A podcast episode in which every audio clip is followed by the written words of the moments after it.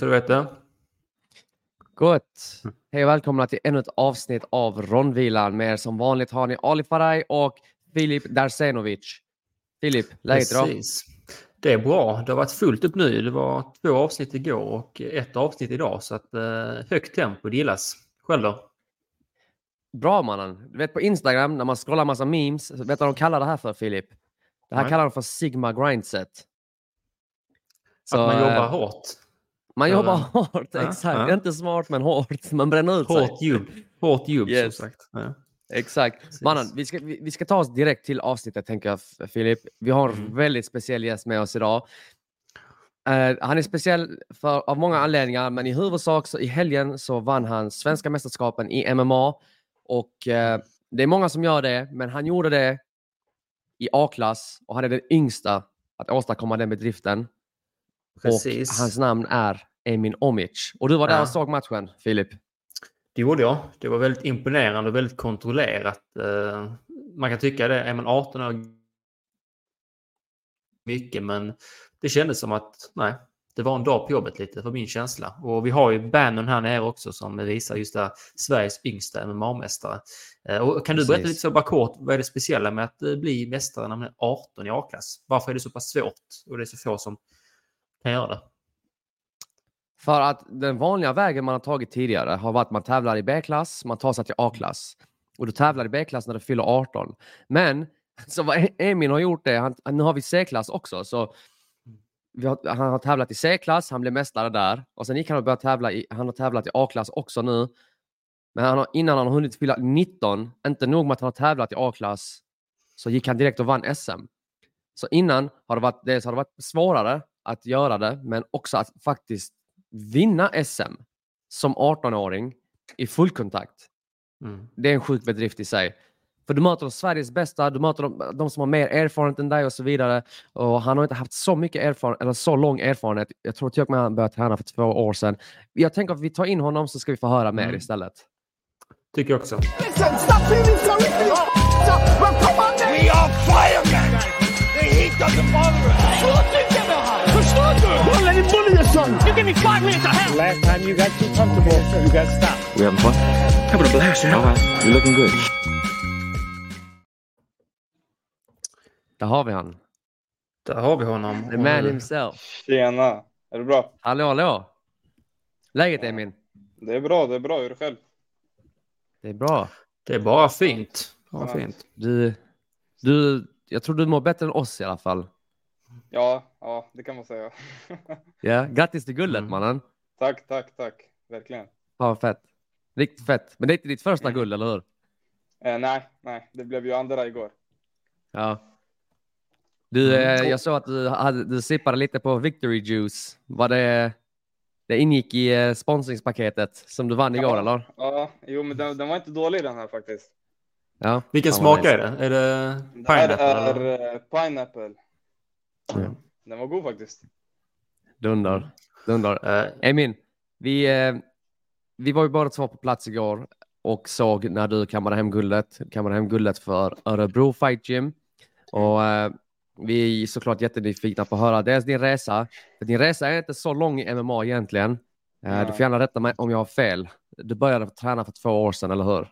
Eh, yes, jag började tävla, nu ska vi se, november 2021 blir det. Eller? Ja, Mm. Typ. Ja, 2021 november. 2021 november. Ja, jag kom dit när jag var 16 och nu är jag ju 18. Alltså du började Okej. tävla för två år sedan. Nej, nej, jag började träna. Alltså träna, träna. Alltså tävla började Mm. jag, jag tror jag, typ ett halvår in efter att jag började. mm. Men Får jag var någon, 16 när eh, jag började. oj, jag se någon bild också? Du hade lite mer hår, så väldigt mycket yngre ut. Men det, Ja, det var dina första träningar, det var någon som upp en story. Jag var lite, Malin jag var Hermansson lite upp. yngre, jag var Ja. lite rundare i ansiktet. Eh, Så ja, det går fort. Ja. Ja. Och jag tänker bara Tror- första frågan så här, när man börjar som 16-åring, då har man ofta väldigt eh, höga målsättningar och så. Man tänker, men jag vill göra det här och kan ha någon inspiration. Eh, hade du redan då något som mål att om jag vill vinna SM om så här många år, eller var bara att du började träna? Eh, Nej, det alltså verkligen, alltså när jag kom dit, då var det verkligen bara att jag ville bara lära mig hur man, alltså hur man kör kampsport. i princip. Mm. Alltså jag hade ingen, ingen plan på att tävla, ingen plan på att vinna SM eller något liknande. Det Mm. var bara, jag ville bara lära mig att slåss. Det var typ det. Och hur kommer man på tankarna att, alltså hur, för det, många, många börjar med kampsport av olika anledningar. Mm. Och du sa att det- var lite rundare också. Jag vet att många av oss började som lite rundare eh, när man började med kampsporten. Men eh, vad var det, alltså, jag vet en blandning. Till exempel för mig var det kampsportsfilmer, man ville vara Van Damme, man ville vara en WWE-stjärna och, och det är Mm. fett att kunna strypa folk och sparka högt. vad var det för Emin Omic? Det var att när jag började, min första tävling var, jag tror att det var ADCC i Eskilstuna. Eh, Mm. Och det var bara att, när jag, alltså att jag ville testa på hur det kändes och att, alltså hur det känns att tävla. Du vet adrenalinet och det där. Mm. Eh, och sen när jag körde eh, så kom jag, vad fan kom jag? Jag tror att jag kom tvåa. Eh, och jag vet inte vad det var. Det var så här, jag kände bara någonting så här, bara något extra när man tävlade, när man tränade. Jag kände bara det här lilla extra. Jag bara shit, det här är, det här är, alltså det är kul det här. Och jag kände att det här är något jag vill testa på vidare. Och då fortsatte jag då tävla i grappling. Eh, jag tror att jag körde all-style en gång. Eh, och då kände jag därifrån bara, det här är fan roligt. Och då började jag träna mer och mer och sånt där. Så jag tror att själva starten var att jag började tävla sakta men säkert. Eh, och sen blev det bara automatiskt att jag ville fortsätta mer och se vart man, vad man kan uppnå. Och vad var det som det fick dig till gymmet första gången, tänker jag? Ja, första gången du gick precis. dit. Var det någon kompis som drog dit dig eller var det på egen hand? Eh, nej, alltså, eller jo, vi var ett kompisgäng som, eh, som umgåddes och så där. Eh, och sen blev ju Örebro Fighting mer och mer igenkänt här i Örebro när de öppnade.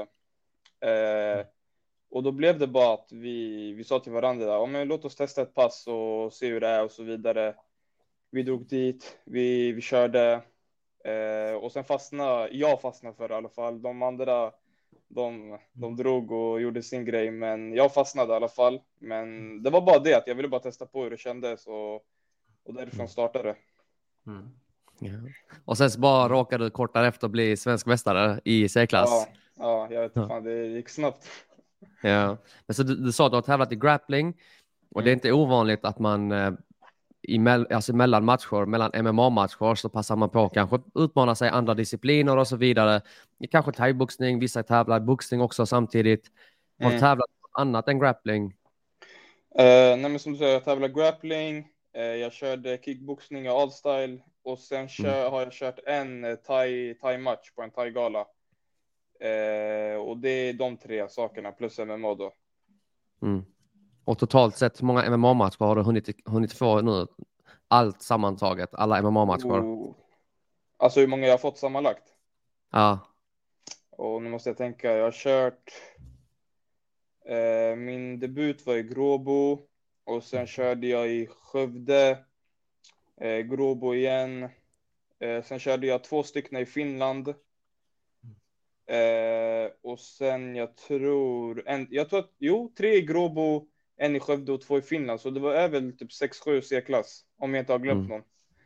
Sen har jag kört eh, en i Stockholm Shoot, det var B-klass när jag fyllde 18. Eh, Mm. Och sen nu fyra A-klass. Okej, jag tänker du var mycket 16 ring. år. eh, Du var 16 år när du började. Eh, Yes. Finns det en annan sport? Jag tänker Örebro eh, SK är stora i fotbollen, BK Forward. Är det så att du spelat fotboll innan Örebro eller det är en annan sport innan du gick över till MMA? Eh, jo, jag körde fotboll, alltså hela mitt liv i princip. Eh, jag tror att jag började när jag var sex. Okej. Och jag slutade när jag började på MMA. Mm. Eh, men fotbollen, det är, alltså konkurrensen där är ju väldigt stor och det är, det är jävligt svårt att lyckas där. Och sen var det att jag ville testa på något nytt som jag sa förut och sen när jag märkte så här, bara jävla MMA är fan roligt, då blev det att jag kastade fotbollen och sen fokuserade jag på, på MMA. Mm. Kände du av några fördelar med att du hade varit, alltså, varit idrottare tidigare eh, när du gick in i MMA-buren så att säga? Ja, alltså. När jag, alltså grejen med att man har, när man har kört fotboll, det är att man får, alltså jag personligen, jag har fått väldigt starka ben naturligt. Jag har inte tränat dem så mycket. Jag tror att det har hjälpt mig lite grann om vi tänker med explosivitet, eh, vad heter det, och lite så här benstyrka och så vidare. Och det är typ det som har hjälpt mig. Men resten har jag, tro, har jag typ tränat in tror jag. Men det var typ det med Men det- och så vidare. Det, det är en jättestor del. Ja, faktiskt. Alltså, det är underskattat. Alltså dels benstyrka, alltså för det första fotbollsspelare, du har- uthålligheten, explos- explosiviteten och det är all, allting kommer därifrån. Slagen, alla dina skjut kommer därifrån, Mm. lyften kommer därifrån. Det, och det märks också i din stil att när, när, du väl, alltså när du väl får generera kraft så kommer det bli som du vill i stort sett. Eh, så det, det ser definitivt ut som att du har haft nytta av det. Mm, verkligen. Eh, ja. Så då, då, alltså varför jag frågade om matcherna innan var också för att bara för att alla ska få höra att du har inte tävlat så mycket i fullkontakt. Nej. Men du Alltså- i lördags eller i söndags så blev du svensk mästare och du Ja. blev också den yngsta svenska mästaren. Ja, Och- det är sjukt. Det är en, det är en sjuk bedrift i, alltså det är en, bra, alltså en bedrift i sig att vinna Mm. svenska mästerskapen i A-klass. För det är ju steget innan proffs. Det är, det är A-klass som vi har i Sverige. Mm. Och att vara den yngsta som har gjort det, det är någonting speciellt med det. Hur var Ja. eh, efter, efter matchen, hur var firandet? Hur var själva, vad fick du för uppvaktning kring det? Var det Alltså- väntat? Förväntar sig alla att alla där hemma, ja men det är klart, Emin skulle göra det liksom. Var det Alltså, självklart för folk- dig? Ja, för mig var det självklart, absolut. Alltså, innan jag gick in dit eh, så, alltså jag tror att jag gick fram och tillbaka minst hundra gånger och bara funderade för mig själv, bara shit, okej, du har lagt in alla de här timmarna, du har tränat sju dagar i veckan, du har bara köttat på, köttat på, och det är här allting sätts på spel, alltså i princip, det är ju så. Du tränar ju inför buren. Eh, och då blir man, alltså, och där kände jag mig ganska säker, men det här, nervö det här nervösa som kom, det är att man vet att shit, alltså alla vänner, familj och sånt kollar där hemma, och det är där det här nervösa kom, och det var typ så jag firade lite min minst igår, att jag visste att alla kollade, speciellt mina föräldrar och så vidare, och att de såg att man, att all jobb man har lagt ner på mattan och alla, alla kvällar jag inte varit hemma där jag har varit på mattan istället har lönat sig till slut och så här, och det är roligt, absolut. Mm. Och Jag tänker även uppmärksamhetsmässigt så, så att eh, vara Sveriges yngsta MMA-mästare A-klass, det borde generera intresse kan jag tycka ifrån eh, ja, men tidningar och så. Jag sökte lite på ditt namn tidigare och så att de hade eh, gjort en del intervjuer eh, tidigare och de hade intervjuat din tränare om eh, vilken talang du var. Så har du fått någon eh, liksom feedback eller någon som hört av sig från lokalmedia Eh, eller nej, så? inte nu. Men jag tror, de är ju, vi har ju Nirx Allehanda här i Örebro, Mm. de har ju varit på lite, eh, vad heter det, oss på Örebro Fight ju med Patrik och Sebbe för allt och sånt där. Men jag tror att de skrev om mig efter Wolf, gjorde de. När jag gjorde min A-klassdebut Okej. blev det. Ja, min A-klassdebut. Då skrev de lite där om mig. Eh, men nu, sen igår har jag inte hört någonting. Men vi får se. Mm. Skicka iväg lite då- info så då- tror jag säkert de kommer höra av sig. Det lovar jag. Kanske det, kanske det. Precis, och vi, vi, vi vet ju om, alltså vi i Rondvillan visste om att eh, Emin Omic måste vi få snacka med och vi är jätteglada att du, pass, alltså, att du fick ge oss möjligheten till att komma och snacka med oss för att eh, Absolut, säker på att du absolut. du kommer lätt få fler samtal och jag vet att ni har blivit uppmärksammade tidigare, eh, lokalt specifikt också. Eh, Ni har haft, ni har haft galor och allt möjligt. Eh, ni har ju flera som har tävlat eh, på hög nivå ifrån eh, klubben. Och eh, det, det skulle vara konstigt om inte någon passar på att uppmärksamma liksom, den yngsta svenska mästaren som vi har i Sverige just nu. Vi, eh, jag, Jag, tänker bara på- eh, just eh, Örebro, Ja. för att eh, du har pratat, eh, jag kan säga när jag och Ali har hängt och så, spelat in poddar, så minst en gång eh, per gång har Ali nämnt Örebro Fight Team i något sammanhang och bara sagt att eh, de här måste vi prata med för att de har gjort eh, Ja, alltså, otroliga framsteg på den lokala scenen. Det är inte alla som lyfter dem. Men jag har nu hört Örebro Mm. Fight Team i alla fall 20 gånger av Ali. Eh, jag tänker bara, ja, jag tänker, vad är det som, vad grundar det sig? Varför tror du att eh, Ali har blivit så intresserad av just er? Vad, tror, vad är det som gjort så bra? Alltså, Vad jag har, vad jag har förstått det så tror jag att han snackar väldigt mycket om Örebro Fighting för att jag tror att han ser att det inte bara in på mattan, göra dina ronder och sen åka hem. Jag tror att det, det finns mycket mer än det som, som är på spel. Det är mycket, du måste kolla här, du måste kolla där. Mycket drillar, mycket, mycket snack utanför mattan, mycket jobb utanför mattan också. Det är inte bara att jobba på mattan. Man måste vara aktiv utanför också och göra sin research, göra sina, sina läxor så att säga. Så det, jag tror att det är där, vi har det där lilla extra som jag tror han ser. Mm. Alltså, man, man, jag kan säga personligen, det, man ser definitivt i, i buren, så som ni presterar, ni är väldigt jämna i era prestationer. Och vare sig vinst eller förlust, så vad jag har sett väldigt mycket från Örebro just, är att ni har väldigt goda grund, grundläggande kunskaper i allting. Alltså om man kallar Mm. basics, era basics är extremt bra.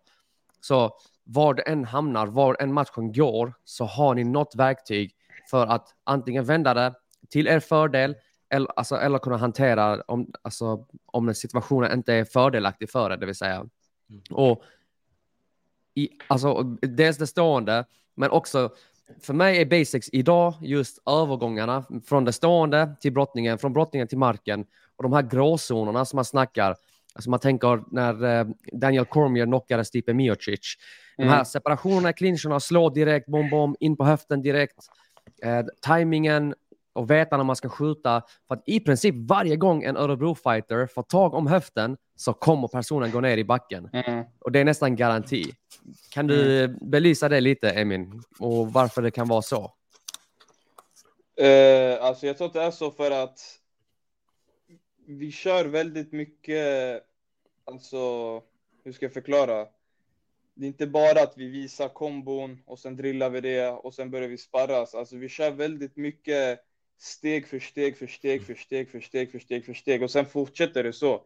Vi kan börja, om jag, om jag bara rabblar upp något random. Vi, det kan börja att vi drillar stående, vi drillar de här små grejerna in till en, in, in till en nedtagning, drillar de här små grejerna in på marken, drillar de här små grejerna. Alltså vi drillar de här små, små, små detaljerna som, som sen blir själva nedtagningen om, om jag svarar på din fråga. Alltså det är så här, vi drillar inte bara nedtagningen. Hoppas ni förstår lite, men vi drillar de här Mm. små grejerna som spelar roll. Mm. Och det tror jag är väldigt viktigt, väldigt, väldigt viktigt. Mm. Så med andra ord, det är ingen slump att ni presterar på det sättet också, för det Nej, är nej, verkligen nej, jobbet. Inte, Det här är ett inte. medvetet, alltså medvetet arbete som är riktat arbete. Ja. Eh, ja, Mm. det, är- alltså, det är typ det. Och sen bara som alla andra, att vi är på mattan varje dag och att vi är där flera timmar om dagen och att vi inte ger upp. Och det är typ det viktigaste. Spelar ingen roll Mm. alltså egentligen vad man lär sig och vad man, vad man drillar. Det är bara att man, man orkar vara där, disciplinerad, vara där, vara där när man inte vill vara där och bara eh, fortsätta jobba.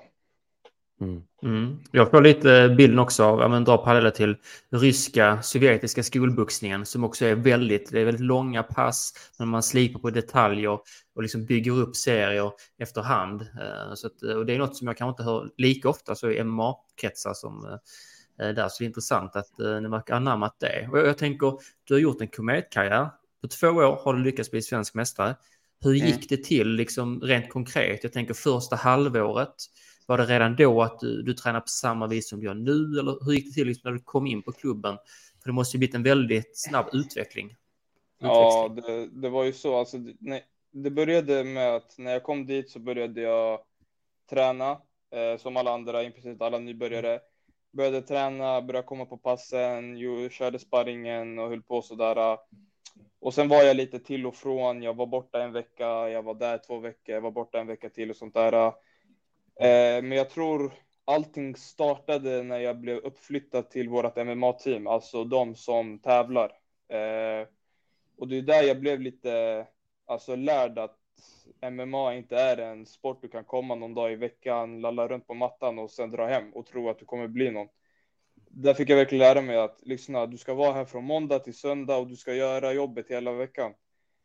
Eh, och det märkte jag ju verkligen, för jag, får- så i början så var det ju så att jag inte kom varje dag och jag gjorde inte det och jag tror att utifrån det, jag tror att jag fick stryk i fyra månader i sträck alltså. Jag fick verkligen, alltså jag fick stryk. Eh, men sen blev det att eh, jag började komma varje dag eh, och därifrån började jag köra C-klass. Eh, fortsatte att träna, eh, började köra B-klass där förra året blev det i oktober, november, ja.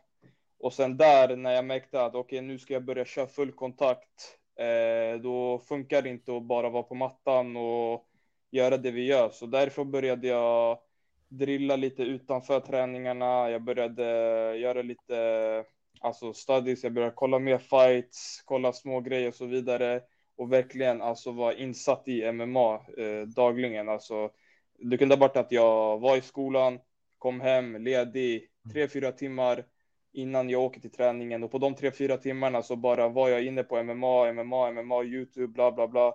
Träning, göra det jag ville träna på, samma sak när jag kom hem och sen lägga mig.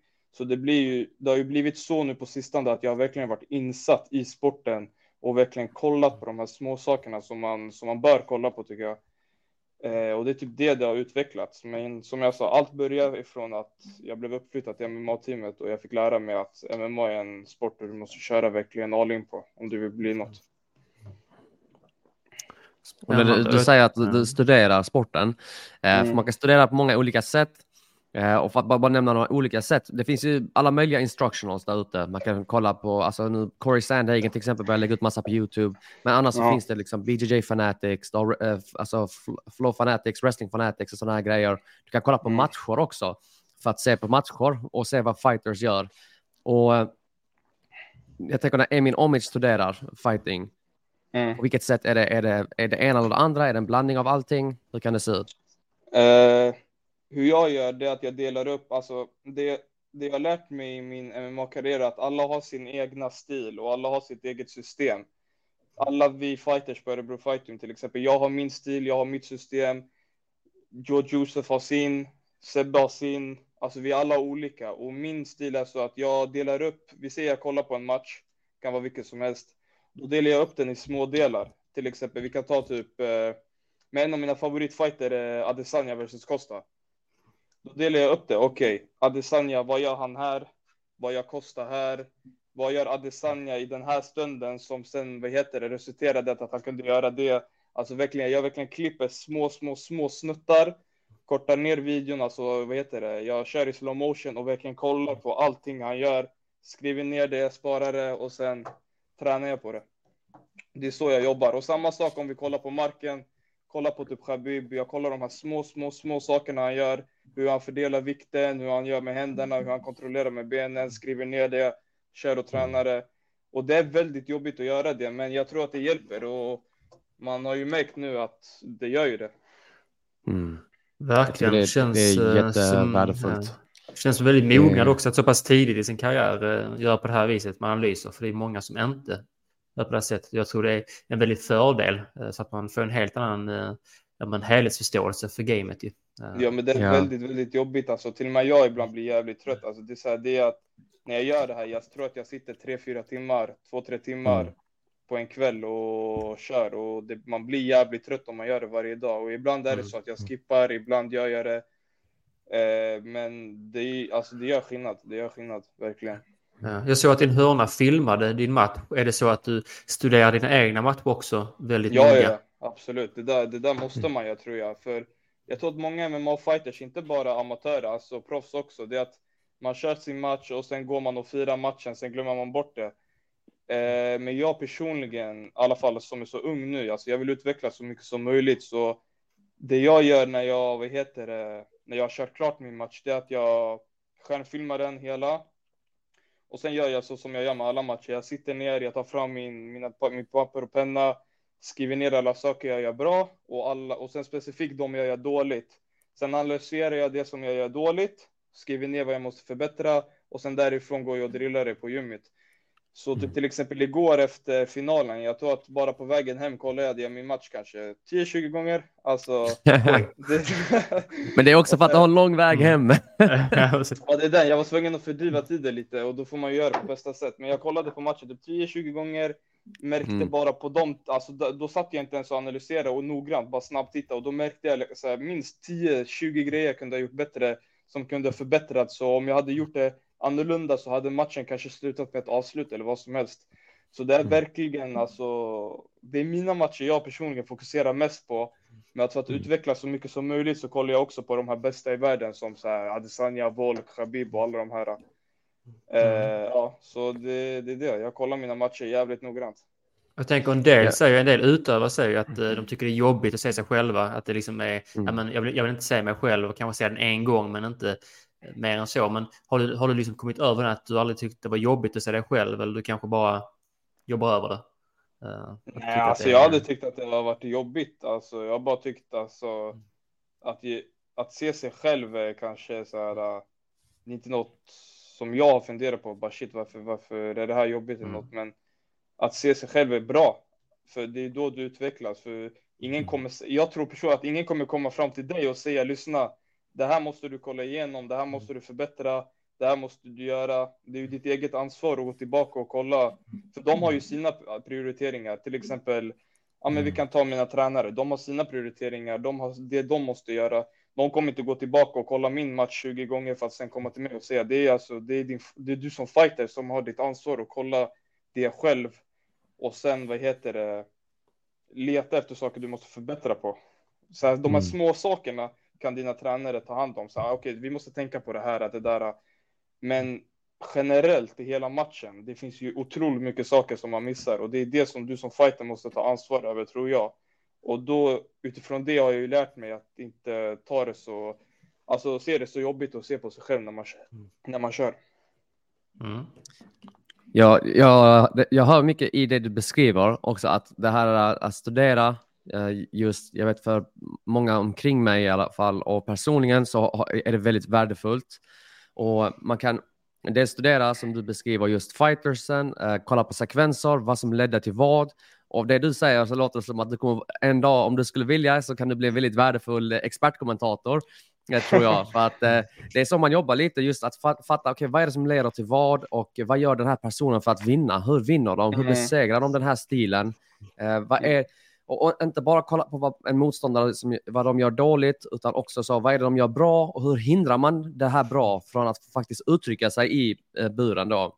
Mm. Men eh, det, det finns också, typ, eh, man ska inte heller underskatta om man kollar på typ eh, grappling någonting. Hå- Håller du koll på grappling någonting? Eh, nej, grappling kollar jag inte på så mycket på. Eh, jag har fan typ ingen koll alltså. Eh, Jag, skulle kunna, jag skulle rekommendera, om du skulle få för dig det i alla fall, eh, det finns, alltså dagens grappling i stort sett på högsta nivån är väldigt, väldigt bra för MMA också för att man vär- värdesätter mycket mer toppositioner och wrestle-ups, att ta sig upp från botten, vilket Mm. börjar bli mer och mer standard på den lägsta nivån också. Att det är ingen som liksom riktigt sitter och spelar guard på samma sätt. Om de gör det så kanske de slår, sparkar, armbågar eh, eller så Mm. försöker de ta sig upp på något sätt. Eh, du har Gordon Ryan, du har Craig Jones till exempel som har sj- sjukt bra instructionals om det här. Det finns mycket på YouTube som är gratis också man kan kolla på. Mm. Eh, men så när, när, jag, när jag kollar på ditt markgame, alltså dels hur du får ner någon, dels hur du håller nere någon, så är det, eh, jag säger för det första att det här är fruktansvärt jobbigt för att som vi såg till exempel i finalen, eh, alltså din förmåga att hålla nere någon tvingar dem till lägen som är jättejobbiga att ta sig ut ur. Så man snackar om eh, inte nödvändigtvis poänggivande situationer ur ett grapplingperspektiv, utan man lägger motståndaren i lägen som är särskilt dyra uthållighetsmässigt och konditionsmässigt. Så Mm. man ligger tung på dem, man tar bort deras armar, man, man fångar deras, alltså man kör Dagestan i handcuffen, ja, du ligger tung på deras ben, tvingar dem att jobba jättemycket på det sättet som kommer trötta ut dem istället för att kanske ta en side control och ligga där eventuellt eller så. Mm. Och jag tyckte man såg det mycket i din, i din finalmatch, men också din motståndare Abod Morad. Han var väldigt scrambly, försökte lite udda saker, eh, typ Mm. gick på K-guard vid något tillfälle. Och jag är nyfiken på dels finalen, vi ska också snacka om semifinalen, men när jag kollar på din finalmatch till exempel så ser jag bara, alltså den här snubben vill man inte hamna under. Mm. Vad tänker du i ett sånt läge när du är ovanför din motståndare? Vad tänker du specifikt för att dels behålla din position men också göra så mycket skada som möjligt? Alltså det är inte så komplicerat. Det var det som grejen är, till exempel när jag gjorde min A-klassdebut. Då, om vi kollar på den matchen och typ på igår. Då personligen ser jag att i min första A-klass så ville jag göra mycket, mycket skada. Jag, alltså jag postade upp, jag slog, jag slog, jag höll på, jag höll på. Och sen här nu igår så tog det det lite mer lugnt, men jag fick fortfarande samma skada. Och det tror jag utifrån att när man är på topp, speciellt i en, alltså i en sport som MMA där du får slå på marken och du får, varför ska jag behöva jobba i onödan när det inte är jag som behöver jobba? Förstår du vad jag menar? Mm. Till exempel, vi kan 100 ta, procent vi kan ta, vart var vi? Om det var andra ronden där vi hamnade i full guard. Jag är på toppen, okej. Då, vem är det som leder matchen? Är det jag eller han? Det är uppenbarligen jag för att jag är på toppen. Så varför ska jag behöva avancera och försöka passera och sånt där när jag kan sitta i full guard, hacka lite, slösa tiden. Det jag personligen väntar på, och det, är- det här är inget nytt, det här är bara basics egentligen.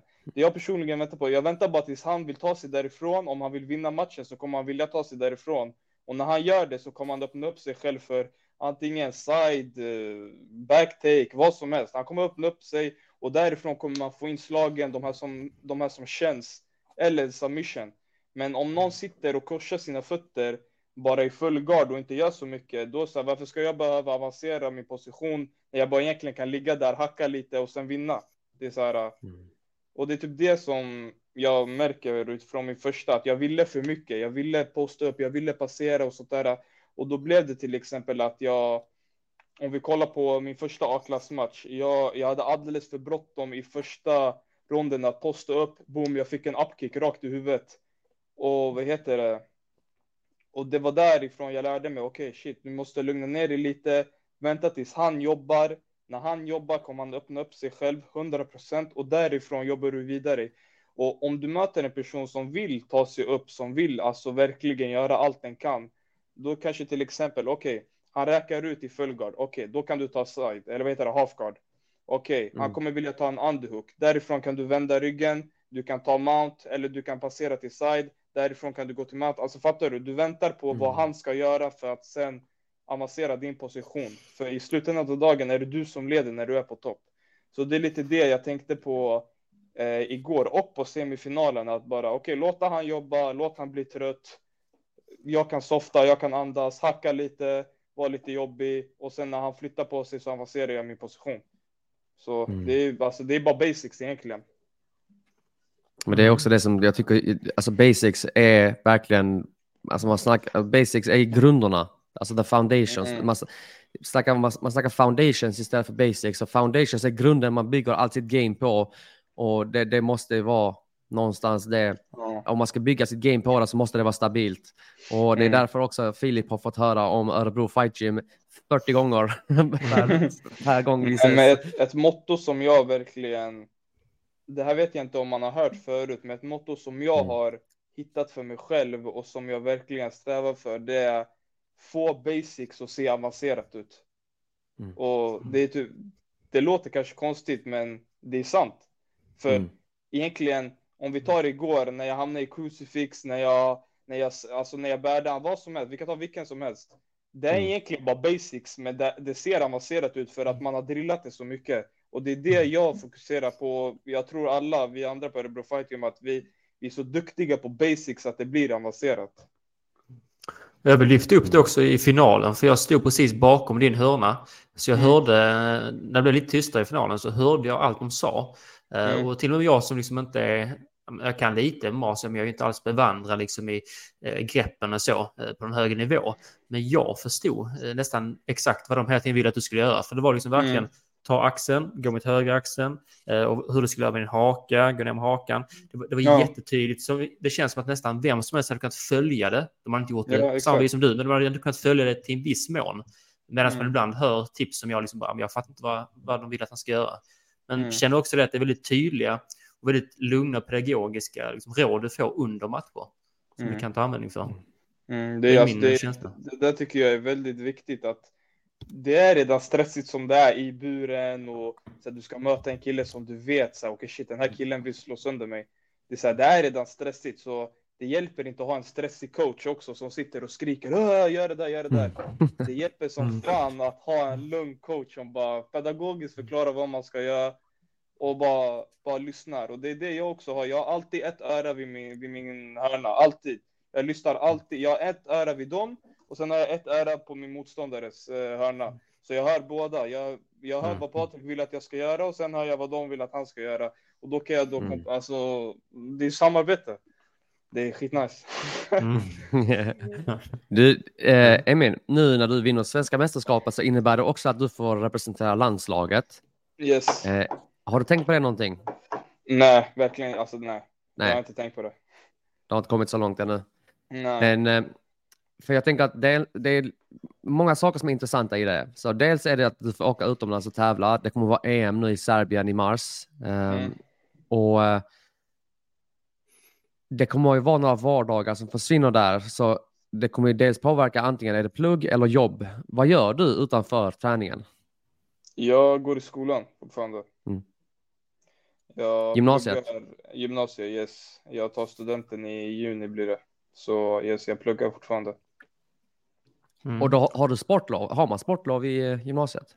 Eh, ja, jag har sportlov i, alltså nu den här veckan. Du har det ja. Perfekt timing. Alltså. Men jag tänker lite, hade man, eh, hade man själv vunnit SM med när man gick i trean, det hade blivit nog ganska stort på skolan och i Ja. klassen kan jag tänka mig. Hur eh, tar liksom kompisarna emot och så? Det måste vara rätt upphypat. klassen nej, så. men de är, de, är ju, de är ju glada som fan. Alltså, de, de, de, har en, de har en vän som, som gör sin grej helt enkelt. Och de tycker det är kul, absolut. Och det är ju roligt att få, få stött, alltså stöttning från dem. Går det någon läser idrottslinje och så eller? Ja, jag tänker vad Eh, jag du går fotbollsinriktat. Mhm. Aha, Så vi kör lite idrott här och där. okej. Är det, är det framförallt fotboll då liksom man gör eh, varje vecka? Eller är det så att ni har några pass? Ni spelar fotboll? Eller är det annan träning också? Man kan... Eh, nej, vi hade det förut, men nu är det mer att vi är i idrottshallen, gör, gör lite alltså, aktiviteter och lite sport och så vidare. Så bara idrottsinriktat, så man får röra på sig. Okej. Mm. Det är bra. Grymt. Mm. Så vill du tänka på int- internationella mästerskap? Eller blir det inte om det just nu? Eh, nej, alltså, det har inte slagit mig än att så här, shit, du ska Mm. gå och tävla för Sverige. Det är så här, Mm. Jag börjar tänka på det nu för för mig personligen har det, det har alltid varit en, så här, en sportslig dröm att representera sitt land. Alltså det är så här, vem vill inte göra det liksom? Oavsett om det är Mm. MMA, fotboll eller vad som är, det är ändå en stor grej att göra. Eh, så jag börjar tänka på det nu efter igår, eh, hur, hur man ska göra och hur det kan bli och vad som kan hända och så vidare. Eh, jag har inte kommit så långt än, men eh, det börjar, det börjar ta sig. Mm. Och jag tänker, har du någon haft, match inbokad och så som är i nära anslutning till EM eller hur ligger det till eh, i mars tänker jag? Är det, Det är har det fritt ju. för EM? Jag, Ja. har, jag har på AFN 5 nu som är Mm. i Bromma. Eh, jag har där, det var det 9 mars. Eh, Okej. Så vi får se lite hur det blir. Eh, Jag har inte, jag har inte funderat så mycket därifrån, men eh, vi får se. Vi får se, Mm. för det är ju. Jag har ingen aning när EM är. När är det? När är det i första veckan i april eller? Eh, EM, Mm. eh, 2024 så är det i slutet av mars. Så det är första veckan mars. i april, precis som du säger. Okej, ja exakt. Ja. Mm. Ja. Då är det ju en del där. Ja, men vi får, ja, vi får se. Jag har inte snackat så mycket med min coach och det runt omkring, men vi får se hur det blir. Mm. Mm. Ja, jag tänker du Och- känns väldigt lugn och så men eh, rent allmänt, du tar studenten, det är en stor grej för alla. Om man ska liksom, Mm. men, se lite över sina livsval, vill man börja plugga, vad vill man göra? Hur ser du liksom på kommande året? Kan, tänker du ta liksom, Eh, nej, alltså efter studenten så, så vill jag egentligen bara, jag vill bara köra MMA, helt ärligt. Jag vill bara Mm. köra flera gånger. Det är så här, nu blir det att jag, jag kör en gång om dagen och sen gör jag min grej hemma. Så det blir ungefär, alltså så här, äh, det blir ungefär två pass fast där borta på mattan blir det fysiskt men här hemma blir det psykiskt här uppe. Ett pass för mig här uppe för det är fan, det är jävligt jobbigt att hålla på så där och studera och sånt där men efter, studenten, efter studenten vill jag sikta på i alla fall två till tre pass om dagen. Eh, vila någon gång här och där eh, och sen kanske jobba deltid och sånt där men det är MMA jag vill mest fokusera på efter studenten där jag verkligen har all tid i världen för att utvecklas. mm. Du har ju en hel del kollegor på mattan också som dels har Yes. representerat landslaget Mm. eh, men som också gör en liknande resa och kanske är lite mer långt gångna i sin resa. Mm. Då är säkerligen eh, ja, men inspirationskällor till hur man kan få det att gå ihop utanför gymmet också och klubben och mattan Mm. härifrån. Och på tal om det, så när eh, vi har Sebastian Palacio Gomez som har fått representera Mm. landslaget tidigare. Och eh, ni är ju är nära i storlek. Mm. Jag tänker, vem, vem eh, tränar du mest med på mattan på um, Örebro Fight Gym? Jag vet om att jag har hört att du tränar mycket med Adis Saljevic, eh, Mm. bland annat. Kan det stämma? Det stämmer. Eh, alltså det beror på lite vad jag vill uppnå med min träning. Om det är till exempel att jag vill alltså gasa ut mig, om vi säger inför nu, inför SM de här, den här sista två veckorna där man ska, alltså, där vill jag bara gasa och köra allt jag, så hårt jag kan innan Mm. den här lugna veckan. Då körde jag mycket med typ Sebbe, eh, Addis, eh, sen har vi några flera som är lite större och körde mycket med dem. Eh, och då blir det ju att man får den här jobbiga träningen. Men till exempel om jag vill ha en mer, en mer taktisk rond där jag måste tänka lite mer och vara lite snabb och sånt där. Då kan jag möta lite mindre personer som typ George som, vill, som, är, som är jävligt stark för hans, alltså för hans vikt och för hans storlek. Men där det stående blir lite mer jobbigare för han är lite snabbare, han är lite mer ryckigare och då blir det så här, då får man en bra variation. När jag möter Sebbe och Addis till exempel, då blir det här tunga, jobbiga, eh, gasa, köra på. Och sen när jag möter typ så här eh, George och de här, de som är lite mindre, då blir det mer taktiskt och shit, jag måste tänka för de här är mycket snabbare. Så det blir så här, man får olika, olika saker utifrån vilken person man, man möter. Men jag känner alla, alla. Mm. Och jag tänker regionalt också, Örebro som stad, ni ligger ju väldigt, eh, rätt, relativt nära Stockholm, eh, där finns många gym, relativt nära Västerås ändå ju, eh, i närhet. Är det så att ni eh, har, ett, har mycket samarbete med andra klubbar eller du håller dig mest på Örebro Fight Team? Eh, ja, vi håller, med oss, vi håller oss hemma, eh, men det kommer vissa gym då och då eh, till oss ibland och kör. Vi har haft Hammarö eh, och sen har vi haft några andra gym som jag inte har namnet på, men det kommer ibland lite gym då och då till oss.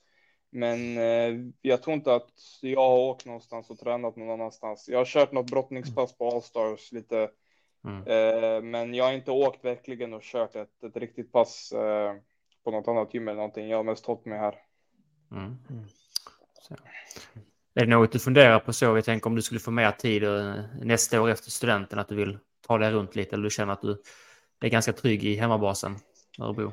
Alltså, jag känner mig jävligt trygg här, men eh, det är alltid kul att gå runt och testa lite för när du möter personer du inte vanligtvis, eh, vad heter det, tränar med så blir det ju lite matchkänsla. Ursäkta, Mm. blir lite mer matchkänsla där. För då vet du inte alltså, vem du möter, du vet inte deras stil. För till exempel vi alla hemma, vi vet ju exakt vad vi gör. Så det Mm. blir jävligt svåra ronder när, vi, alltså, när jag vet exakt vad de gör och vad de vet vad jag gör och sådär. Så det hade jag velat göra och bara åka runt och testa lite nya stilar och öva in saker som man har tränat på. Du, eh, alltså, det är jättevärdefullt, det där som du säger, just för att när man åker till en annan klubb, som du säger, man är gäst, man, det är helt nya människor, man vet inte vad man ska förvänta sig. Det är så nära matchliknande scenario utan kanske intensiteten som möjligt.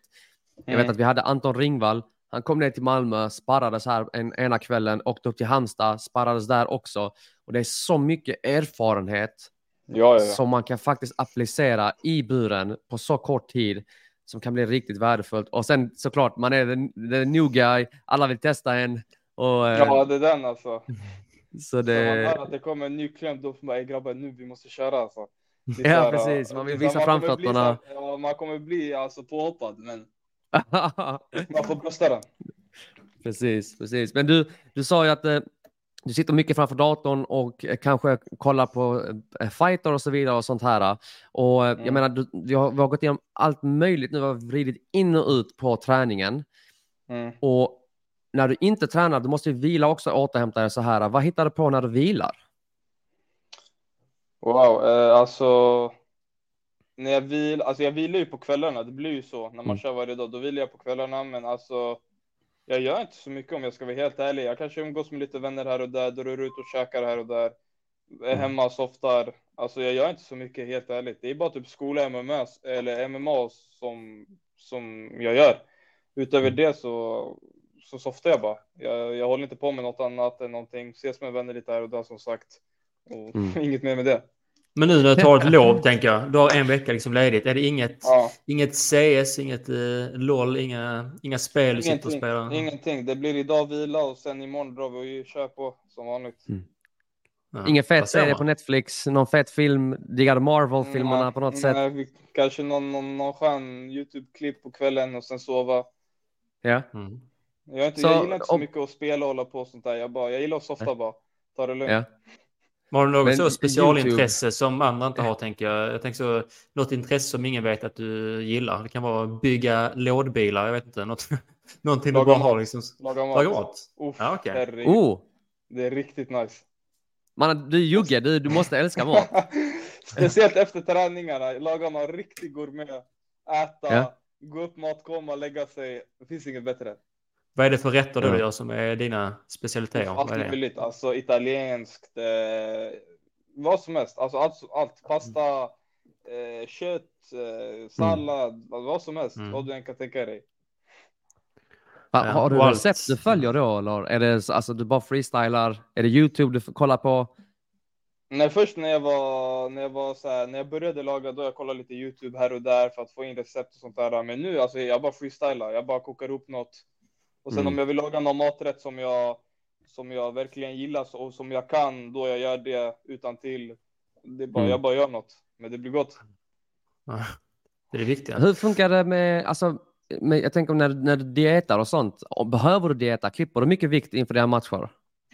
Eh, ja, det gör jag. Relativt. Alltså typ nu inför SM, det blev ju väldigt tight Mm. eh, inför SM. Jag tror att jag, för jag hade ju bara gått en ligamatch eh, innan SM och det var typ den anledningen till att jag gick en ligamatch. Det var i Gråbo, Mm. eh, sista ligamatchen för 2023 eh, och då var det att jag hade inte alls planerat på att gå den verkligen. Jag ville bara softa och så vidare.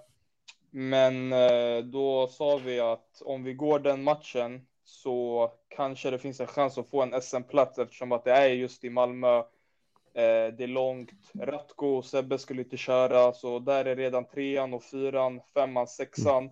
Och då blev jag Mm. plats sju. Då är det så här, om, en, om ingen anmäler sig sexan, då kommer jag hoppa in, vilket då hände. Eh, eh, så det blev ju att jag fick kutta, jag tror, 10 kilo. Mm. 10 Vänta, va? kilo, men ja, 10 kilo. Jag började kutta på 88 typ. Oj. När? Ja. Jag tror att jag hade tre, två veckor på mig. Så, vänta, du, du kuttar från 88 till 77. för att- Ja. Och hur mycket vätska tog du mellan dagarna? Ja. Eh, jag hade inte riktigt koll på det, men jag tappade ungefär ett kilo till en, till en början. De första två veckorna tror jag att jag tappade runt 500, till ett, 500 gram till ett kilo per dag. Eh, och sen behövde jag kutta sista vätskan i, eh, i fredags. Tror jag att jag behövde kutta bara ett kilo, ett och ett halvt kilo. Så det var inte alls mycket jag behövde kutta. Men jag har väldigt tur skulle jag säga. Alltså jag går ner extremt lätt. Men jag går upp också, alltså lika lätt. Men eh, vad heter det, om jag bara håller kosten så som jag ska göra, träna regelbundet, återhämta mig ordentligt, Mm. då är det inga problem. Och jag tror att man såg det ganska tydligt i helgen att jag var ganska, jag var ganska stabil. Och Mm. det är för att jag gör det rätt alltså. Eh, så 10 kilo var inte så jättefarligt. Men det var bara för att det var så tajt in på SM. Men vanligtvis brukar jag typ kutta kanske 5, 6 som mest. Mm. Och du går runt på, alltså vill du hålla dig kring 77 kilo eller kommer du gå upp en viktklass i så fall? Eh, nej, alltså jag, jag, alltså jag växer fortfarande och jag, Mm. jag bygger på med muskler och sånt där. Alltså, och vad jag hoppas på att jag, jag hoppas på att jag blir lite längre, eh, bygger på med lite mer muskler och sen fortsätter i 77. Eh, Mm. Men uppåt har jag inte funderat på att köra, nej. För jag tror att jag är för liten för 83. Mm. Eh, för vi tänker, vi, alltså folk som kör, som väger sig 93 och 94, de kör ju egentligen eh, 83 om de verkligen kör en kutt. Eh, och utifrån det är jag, jag är ganska liten för 83, så 77 där är perfekt för mig skulle jag säga. Hur lång Ja. är du idag? Är du en och... Jag är 1,82. Ja, okej. Och bara i 77 till exempel, alltså så här, nu i helgen, jag, jag tror att jag var minst av alla. Mm. Eh, Rabuni som jag mötte i semin och Morad eh, som jag mötte igår. Båda de var lite större än mig, så jag är fortfarande inte en jättestor 77 Och sen samma sak när jag mötte Junke Gård i, i Wolf. Wolf, Han är lite ja. 1,90 lång liksom så här. Jag är, alltså, jag är fortfarande relativt liten för den här viktklassen, så 83 hade, nej. Mm. Jag håller mig här 77. Men eh, eh, Emin, du har ju också din kollega på mattan, eh, Sebastian Palacio Gomez. Yes. Han har, också, han har stökat till det rejält också på amatörsidan Ja, i Sverige. Ja. Men vi fick inte se honom i SM. Var det, här, var det ett- ett strategiskt beslut? Alltså, vad var tanken där? Vet du, är det något du kan dela med dig av? Alltså, jag har inte riktigt koll på vad han, vad han gör och så vidare och jag vet inte hur mycket jag kan säga men Jag tror att han, Nej, hade okej. någon skada, han hade någon skada i knät tror jag. Som bara Fattar. som fuckade upp det. Och det är ju tråkigt självklart. Eh, De här skadorna, det kan ju komma från vilk, alltså vilket håll som helst. Så jag tror Ja. att det var anledningen att han var lite skadad tror jag. Att han inte hade återhämtat sig ordentligt. Och sen är det liksom eh, AFN snart och så vidare. Och man vet aldrig vad som händer i en match Nej. om något, om något går sönder eller om, han, om man får jack eller vad som helst. Så Mm. jag tror att det var det. Precis. Alltså, vi, vi, vi ska strax komma in på, vi har, vi har lite eh, frågor från eh, lyssnare. Eh, Mm. Men jag, jag är också nyfiken på, för att du har tävlat på Wolffight Promotion och för den som nu mot förmodan inte känner till Wolf, det är ju en större eh, organisation där man har flera fristående matcher på ett större event i en arena och så vidare. Och du mötte ju Simon Junkengård där till exempel. Yes. Eh, kommer, du, kommer du sträva efter att tävla på fler sådana om du får förfrågan? Eh, kommer du vilja tävla i ligatävlingarna? Spelar det ingen roll? Eh, och hur, hur var upplevelsen för dig att tävla på Wolf till exempel? Alltså för mig personligen spelar det absolut ingen roll vart jag kör, bara att jag får en match och jag får göra min grej. Det räcker för mig. Men det är självklart, alltså det är riktigt roligt faktiskt att köra på de här Wolf, på AFN och på alla de här galorna. Det är riktigt roligt. Jag tror inte att det är samma sak som att köra i ligan. Det är Mm. lite mer så här, uh, lite större publik oftast, lite mer hype kring matcherna för att man får ju så här, man får ju ta reda på två, tre veckor innan vilka som ska mötas. I ligan blir du så här liksom random, eh, vad heter det, matchad med någon. Mm. Eh, nej, men det är riktigt nice att köra de här galorna, men eh, ligan också. Det är ändå, jag tycker ligan är mäktig faktiskt. Det är så här, eh, det är oftast litet, mycket skrik och sånt där. Det är kul också det, men de här galorna, det, det är lite extra tycker jag. Det är riktigt roligt faktiskt. Mm. Och både jag och Filip, vi är riktiga suckers för en fet entré. Mm. Och är, är det någonting som du tänker på? Bryr du dig om det? Har du någon fet låt som du eh, gillar att komma in till? Vill du bygga upp en Ja. känsla när du kommer in? Jag kör ju min eh, klassiska Hotel Lobby och Pop Smoke. Jag tror att igår Mm. körde jag en annan låt för jag ville komma in med något lugnt, bara så här lite så här uh, lätt. Men jag, min go-to-låt är Hotel Lobby och Pop Smoke. Jag gillar Mm. att det, det, det är en hype-låt, men inte för mycket. Texten är bra. Bara, jag, jag gillar den, jag diggar den. Hotel Lobby och Pop Smoke? Mm. Aldrig hört, men uh, lyssna in jag efter avsnittet. Vi ska definitivt kika på den. Det, Mm. eh, Vi har ju som sagt då, vi har, vi har ställt frågan på vår Instagram för att ta reda på då vad eh, folk är nyfikna på om Emin Omic. Mm. Ehm, ska, vi kan börja med dock, vi, har, eh, jag, har fått, jag har fått lite inside information här om Emin Omic. Eh, Och du får bekräfta eller förneka detta. Eller vi, vi ställer frågan så här. Hur känner Emin Omic inför isbad? Okej. Jag vet exakt vem som frågade den där frågan. Ah, fy fan, jag hatar isbad. Alltså jag lovar, det är det värsta som finns. Mm. Speciellt alltså här, äh, du, du sitter i isbadet och sen ser du alla andra ta en varm och skön dusch.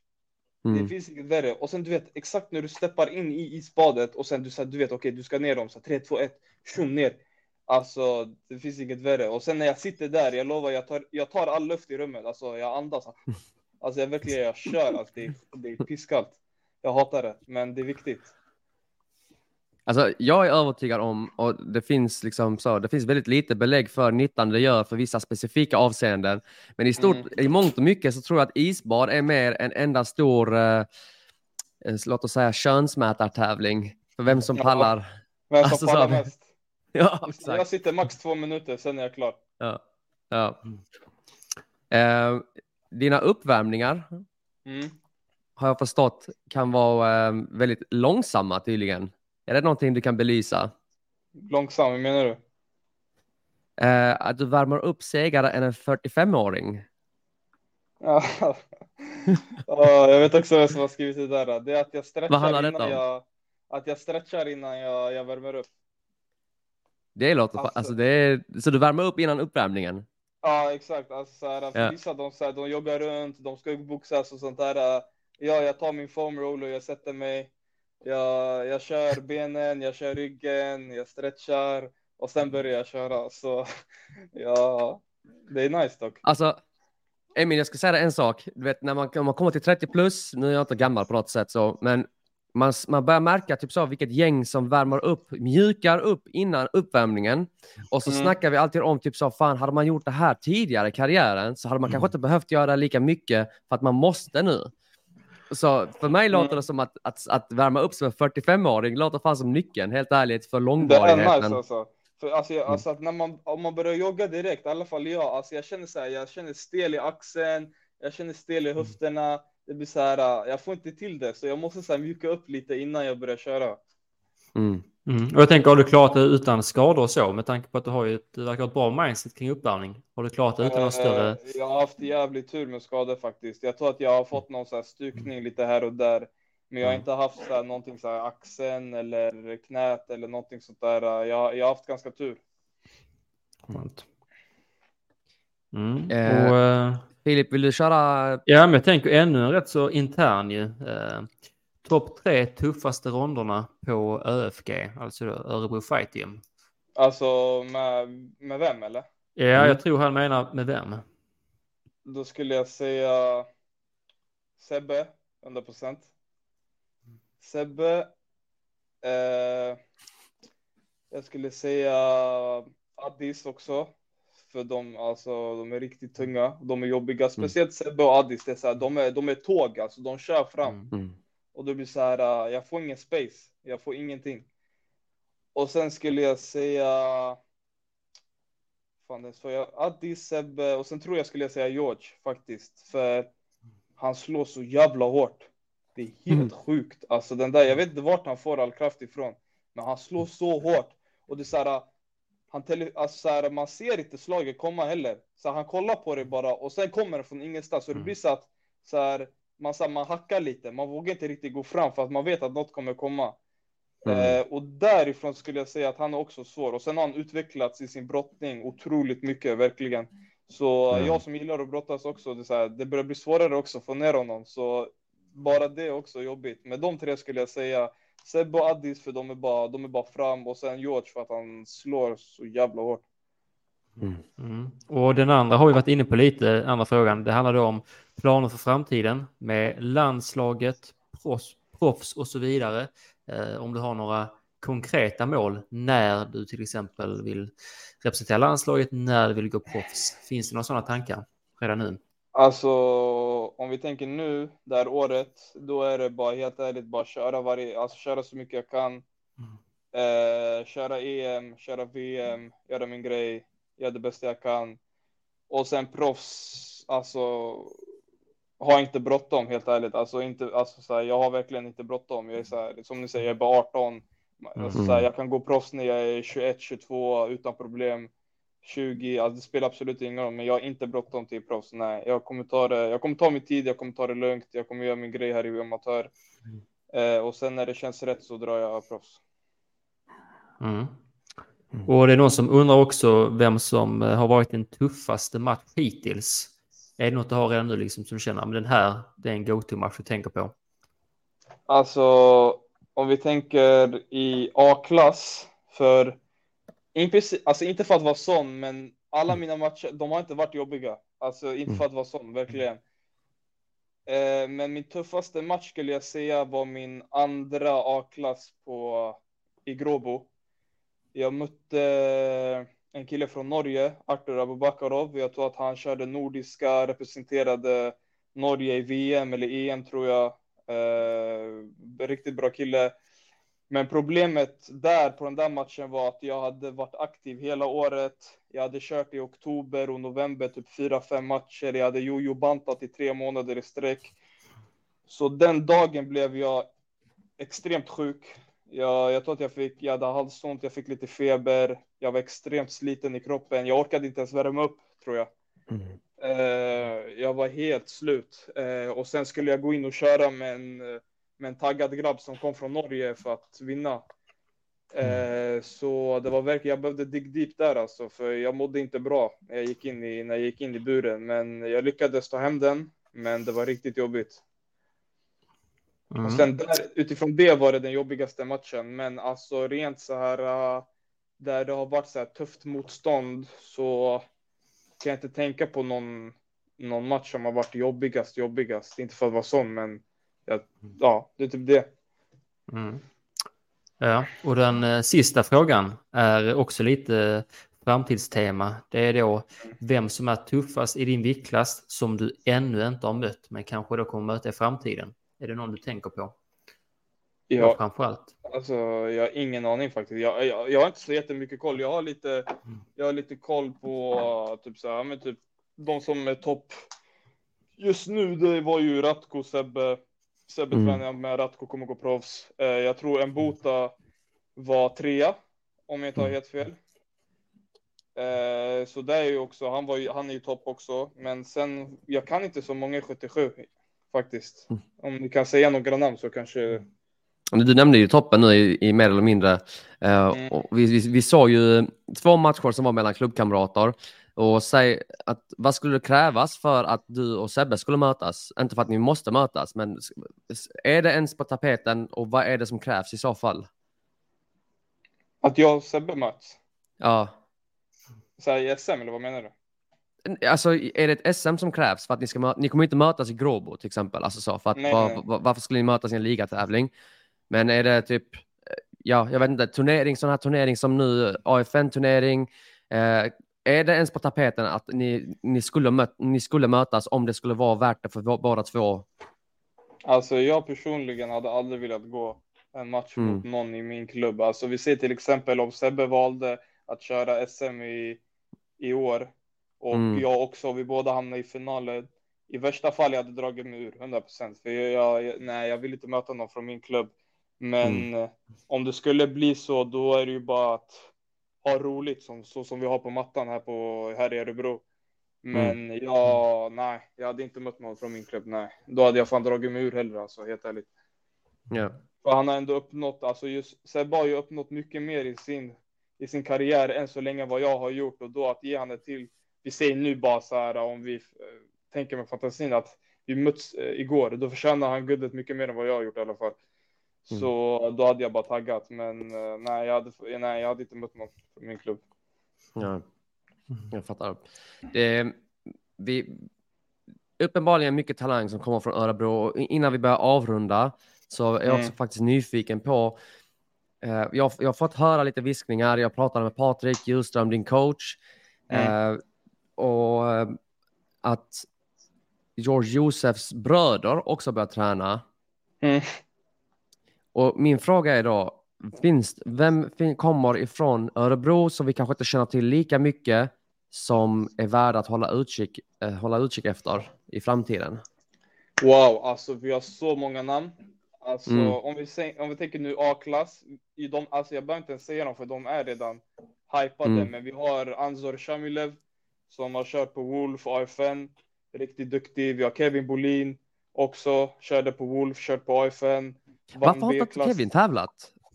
Jag har ingen aning faktiskt. Ingen aning. Nej. Jag har tror sett jättemycket fram emot att se jag honom. tror, att han, jag tror att han har velat ta det lugnt bara, i princip. Han Ja. har varit aktiv som fan. Eh, nej, men han tog B-klass SM också, vann sina matcher. Eh, och sen om vi tänker folk som inte kör A-klass, eh, då har vi eh, nu Joe Josefs lillebror, Brahim också, som ska köra B-klass. Han kommer också, jag tror att han kommer göra grejer när han går upp också. Vi har Ozan eh, som kommer köra i 83,9. Han också kommer köra. Vi har eh, eh, tvillingbröder Helin, Isak och Vidar. De också kommer köra över tror jag. De är riktigt bra grapplers. Det är många namn, många namn. Grymt. Du, eh, Mm. på tal om grappling, ni har ju också Frontline Academy i Örebro. Har ni något utbyte där på något sätt? Inte vad jag vet, nej. Jag tror att det kommer Nej. lite personer eh, därifrån, alltså lite från, från klubben som kommer till oss och kör lite. Jag tror att några från våran klubb går dit och kör lite då och då. Vi hoppar Mm. runt mellan, men jag tror inte att det är så här uh, någon grej. Bara, Nej. Vi uh, kommer överens. Mm. Har ni något Eh. eh, utbyte med Örebro BK? Jag tänker Kammaren Kabinejads klubb. Eh, Eh, Boxningsklubben. Inte vad jag vet. Jag tror inte det. Inte vad jag vet i alla fall. Ja, Okej. Mm. Mm. Du, eh, Emin, nu mot slutet här. Du, I semifinalen så sa du att det, det här är liksom träning dag in dag ut som har Mm. liksom lett hela vägen fram. Men uppenbarligen så det du beskriver också så har ni också, du har ju fruktansvärt bra människor du tränar med. vare Mm. sig träningskamrater och coacher. Alltså i Patrik Hjulström, eh, Malin Hermansson var ju med och coachade nu i helgen också. Mm. Eh, jag tänker lite avslutande nu, eh, lite ledande. Har du någonting som du vill säga eh, överhuvudtaget? Vare sig tack för stöd eller whatever. Alltså, allt som vi i Örebro Fight Team har gjort, vad jag Mm. har gjort, vad Sebbe har gjort, vad Addis har gjort, vad... Vi kan ta alla som helst, alla proffs, Jakob, alla de här. Vad vi än har åstadkommit så skulle jag säga att det var absolut ingenting är möjligt utan Patrik och Malin. Verkligen. Alltså de där två personerna, jag vet inte vad de gör, vad de har gjort, men alltså de har gjort ett sånt jävla bra jobb och de, de tror på oss verkligen. De tror på oss Mm. fighters. De är där varje dag. Patrik är där varje dag. Han kämpar för oss fighters. Han, alltså, det är verkligen, de ska ha stor cred verkligen. Mm. Och det skulle jag säga är lite, är lite deras förtjänst vad vi är idag. Mm.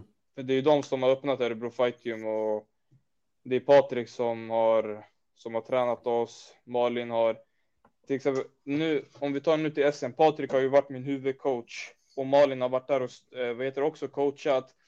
Men om vi tänker utifrån, för vi vet ju alla vad Patrik har gjort för mig. Alltså han är verkligen supercoach. Vi kan bara se det. Det är inga, inget snack om saken.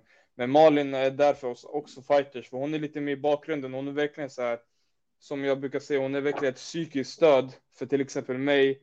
Eh, Stöd, hon- inte störd. Ja, nej, Ja. stöd, stöd. Ja. Viktig skillnad. Hon är, hon är ett psykiskt stöd för mig, alltså verkligen. Hon Mm. kommer, hon snackar, hon, hon påminner mig liksom hur min resa har varit. Hon påminner mig, hon har gett mig med min kost. Hon har gett mig med allt det där, så hon, har, hon ska också ha lika mycket cred som Patrik. Men allt som allt så skulle jag säga att vi hade verkligen inte varit där vi är idag om inte Patrik och Malin hade styrt upp det så som de har gjort. Så verkligen, big up till dem. De är guld värda, verkligen. Grymt. Mm. Då så. Ja. Filip, har du något avslutande? Nej, jag skulle bara vilja gratulera ännu en gång till eh, SM-guldet. Det är ju eh, imponerande att kunna göra det i en sån ung ålder och eh, det ska bli roligt att full, fortsätta följa din resa. Vad det Yes. innebär de kommande månaderna. Ska bli kul att se Mm. vad som händer. Verkligen. Nej. Jag, bara- Emin. Mm. Ja, kör. Du tänkte säga Ja, något. jag vill också bara tacka er också för att jag fick, Mm. fick komma. Jag har alltid velat podda faktiskt. Det är första gången jag gör Mm. podd, så det var lite, så här, lite obekvämt, men det var trevligt att sitta här faktiskt. Tusen tack för Mm. att jag fick vara med. Klart Ja, mannen, klart. Och mycket nästa bra gång, debut kan man säga. 100 Mer procent jättebra mer än debut. godkänt. Och förhoppningsvis så har ni anledning att stanna lite längre i Malmö nästa gång ni är här. Och så ska Kanske vi det. plocka in er i studion också. 100 procent. Grymt. Emin Omic, Sveriges yngsta MMA-mästare. Tusen tack för samtalet. Tack så mycket. Tack så Stort mycket. tack. Tack. Tack. Hej. Hej. Hej. Listen, stop feeling sorry for yourself. Well, come on, then. We are firemen. The heat doesn't bother us. Förstår du? Let him bully your son. You give me five minutes of hell. Last time you got too comfortable, you got stopped. We having fun?